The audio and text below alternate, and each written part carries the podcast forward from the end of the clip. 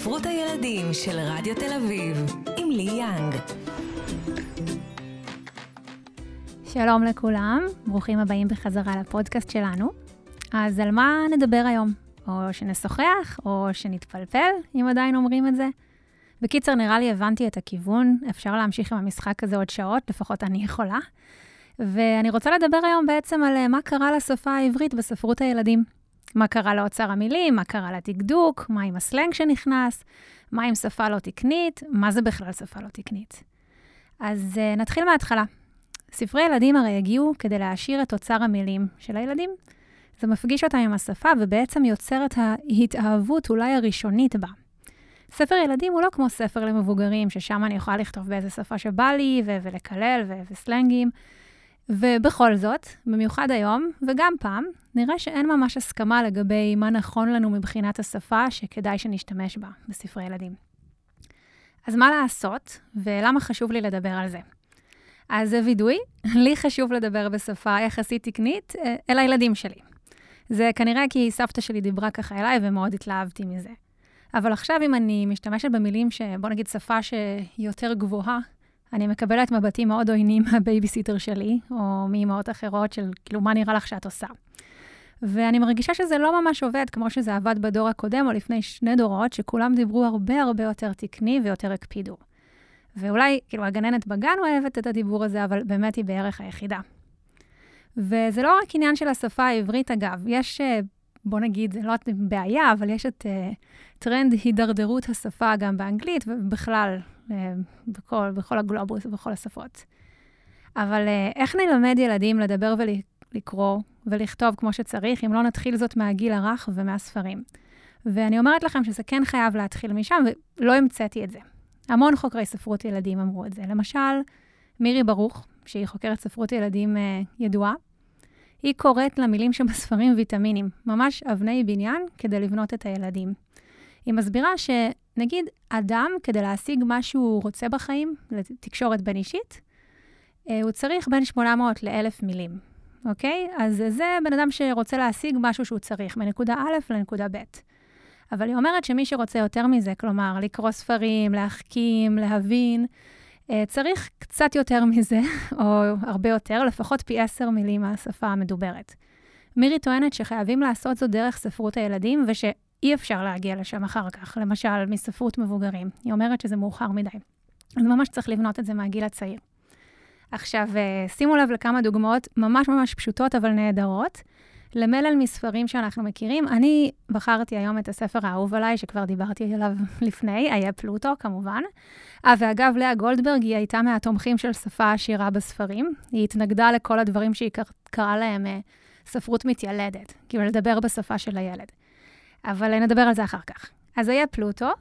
אה, מי שהקריאו לו את הסיפור, ואני מקווה שיקריאו לכם, יודע שפלוטו כלבלב מקיבוץ מגידו, יש לו הכל, מרק וגם עצם, זה טוב ויפה, אבל בעצם.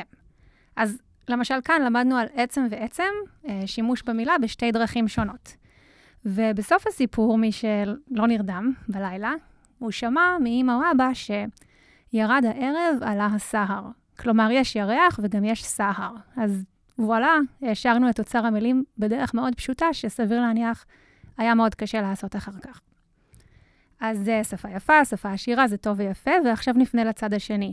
מה זו השפה כביכול נמוכה, שזה נשמע קצת מעליב?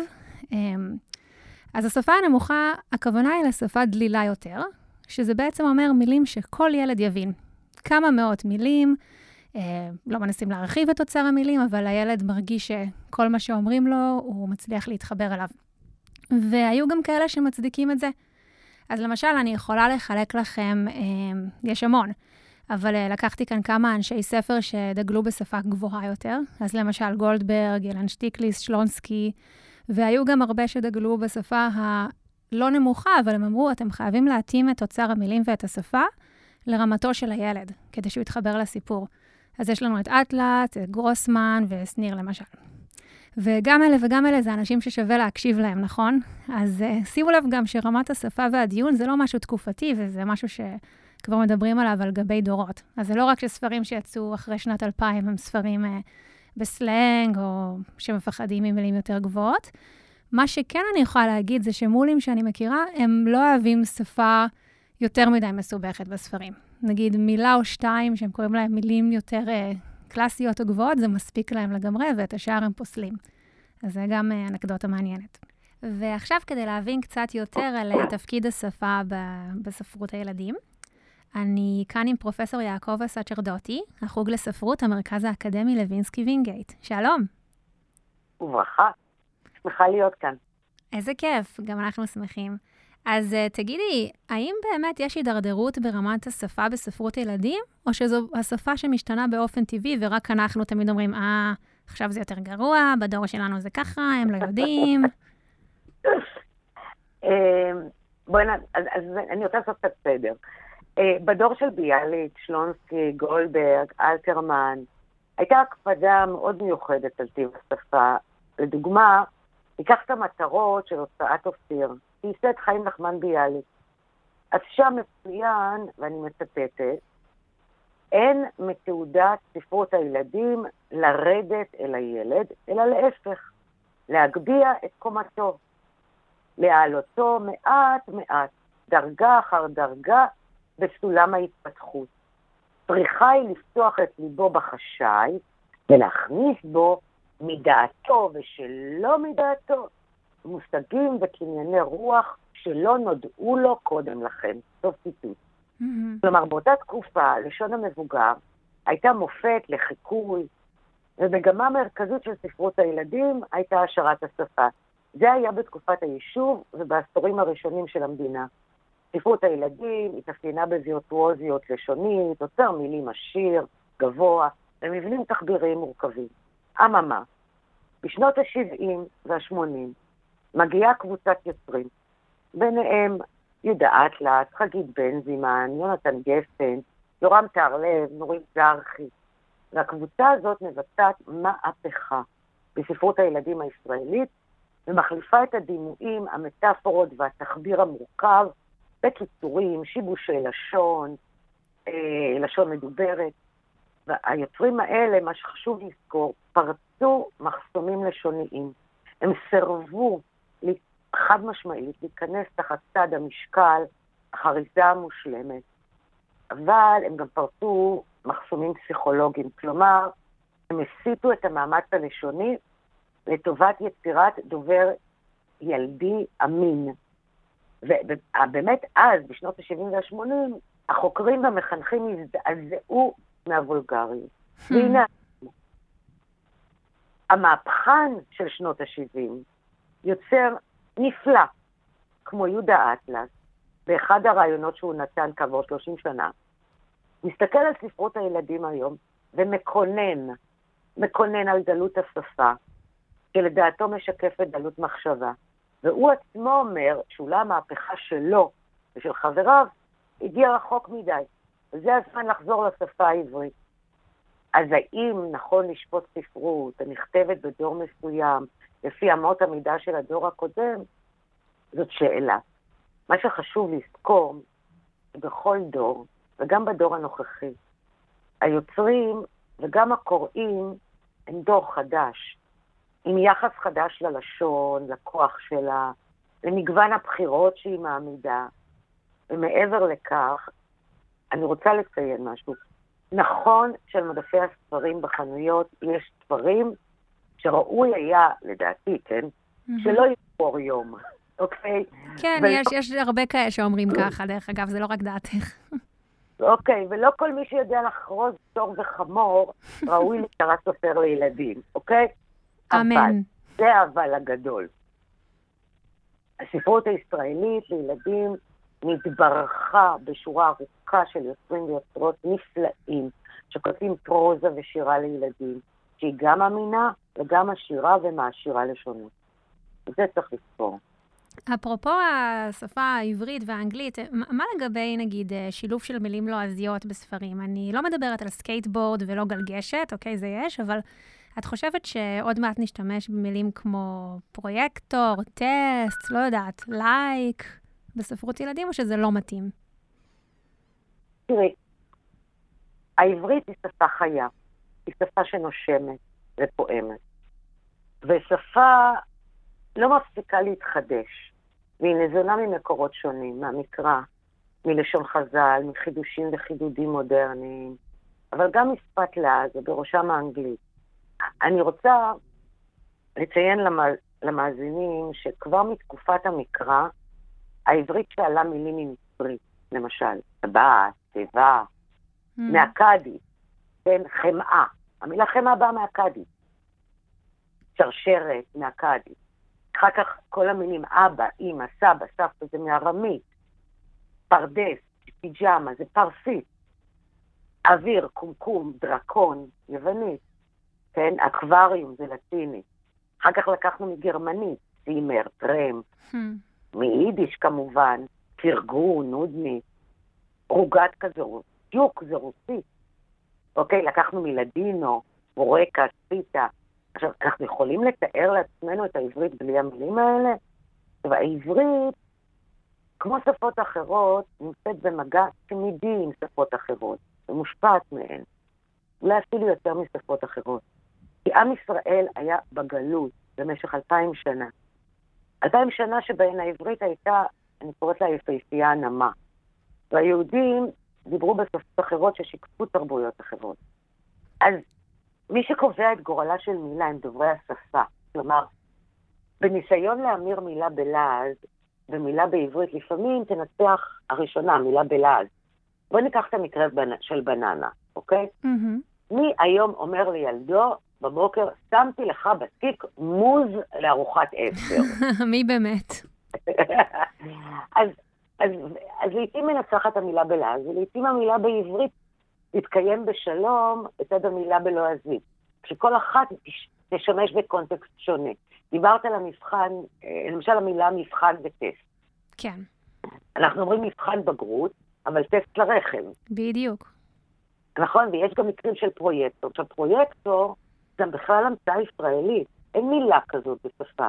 זה באף שפה. נכון, אם כבר זה פרויקטור, זה בגרמנית המקרן. זה לא פרויקטור, בן אדם שעושה משהו. זה projector. projector או פרויקטור, כן. שוב, כן, בדיוק. בדיוק. אבל בפרויקטור בכלל אנחנו המצאנו עם אמ. הקורונה, וזה מבוסס על המילה, באנגלית project, project, נכון? עכשיו בעברית בכלל זה מנהל מיזם. אז לעז וסלנג לדעתי האישית זה לא קללה, זה מצב נורמלי של שפה חיה.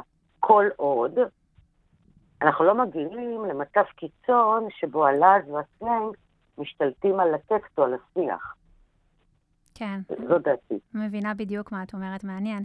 Uh, עוד שאלה. Uh, ניקח שני ילדים, ילד א' וילד ב'. Uh, ילד א' יקשיב לסיפורים, שבהם השפה היא לא נמוכה, אבל מותאמת לגילו, אוקיי? אוצר מילים מוגבל, בגובה העיניים. וילד ב' יקשיב לספרות שאולי קצת ישנה יותר, או לא יודעת, אבל, אבל אוצר המילים יותר מורכב והשפה יותר גבוהה. האם לדעתך יהיה הבדל באיך ששני הילדים האלה יגדלו, נגיד, לדבר, לקרוא, להבין דברים, או אפילו להתנהל בעתיד? הילד רוכש את השפה ומעשיר אותה משמיעה ומקריאה. Mm-hmm. המבוגרים הם האחראים למעשה להנגיש לו את השפה. החל מההורים, הגננות והמורים. עבור דרך המשוררות, הסופרים, ו- ואלה שעומדים מאחורי ערוצי המדיה השונים, כן? סליחה. כן. אם ההורה יאמר לביתו, תלבשי את הנעליים, במקום תנעלי את הנעליים. אם אה, מורה ת, תגיע בבוקר לכיתה ותאמר משפט כמו, מרגיש לי שיהיה קר היום כאילו כזה מגעיל בחוץ, או אם אנשי ציבור או סלבריטאים בראיונות ברדיו ידברו על רגשות קשות, כמו ששמעתי לפני שלושה ימים ברדיו, הילד יפנים שכך נכון וצריך לומר. אז נכון שלפעמים זה ממש חינני וחמוד, כל הכזה, הכאילו, והשמונה פעמים בעצם במשפט אחד. אבל חשוב לזכור שאם רוצים שהילד יוכל בעתיד לקרוא כל ספר, זה לא צריך להיות ספרות, כן? גם ספר בביולוגיה, או לשמוע כל פודקאסט שירצה, ולא בהכרח, פודקאסט על ספרות, הוא יצטרך אוצר מילים שהוא לפחות פי עשר מאוצר המילים שיש לו בשפה המדוברת. הספרות הילדים היא בהחלט אחת הדרכים, ואולי הדרך, אם תשאלי אותי, כן? אבל אני משוחדת. כן, את במקום הנכון. בדיוק, וכל המרבה לקרוא בספרות ילדים רק יסתבך, כן?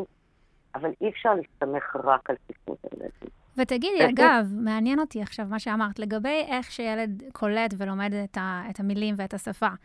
זה משנה אם זה אימא, מורה, או באמת הסלבריטאי הזה ברדיו? כאילו, יש מישהו שהוא יהיה מושפע ממנו יותר? אפשר לדעת את זה? הוא, הוא מושפע מכל סוכן חברות. אוקיי. כאילו, זה לא משנה אם זה אימא או מישהו שהוא לא מכיר, אבל מקשיב לו. בוודאי. לפעמים הוא, הוא יושפע יותר מסלבריטאי מאשר מהורה. מעניין. ושאלה אחרונה... כי המבוגרים, 아, אה, המבוגרים, סליחה, ושהמבוגרים צריכים לה, להבין שהם מנגישים את, את הדברים לילדים. הם צריכים להבין שכשהם מדברים, יש מי ששומע. כן. אז אה, באמת שאלה אחרונה לי אלייך, אה, מאוד מאוד מעניין. מה, מה את ממליצה לסופרי ילדים כשזה מגיע לבחירת השפה שהם משתמשים בה בסיפורים שלהם, ביצירות? תראי, מפני שאין מתכון אחיד לספרות ילדים, כמו שאין מתכון אחיד לספרות מבוגרים. ובעצם אין ספר אחד שדומה לשכנו על מדף הספרים. אני אוכל לומר רק שלדעתי ספר ילדים טוב הוא ספר שבו השפה הולמת את התוכן ונשמעת טבעית מפי הדמויות. כלומר, שפה שהיא לא מתיילדת בכוח והיא לא מתייפייפת בכוח.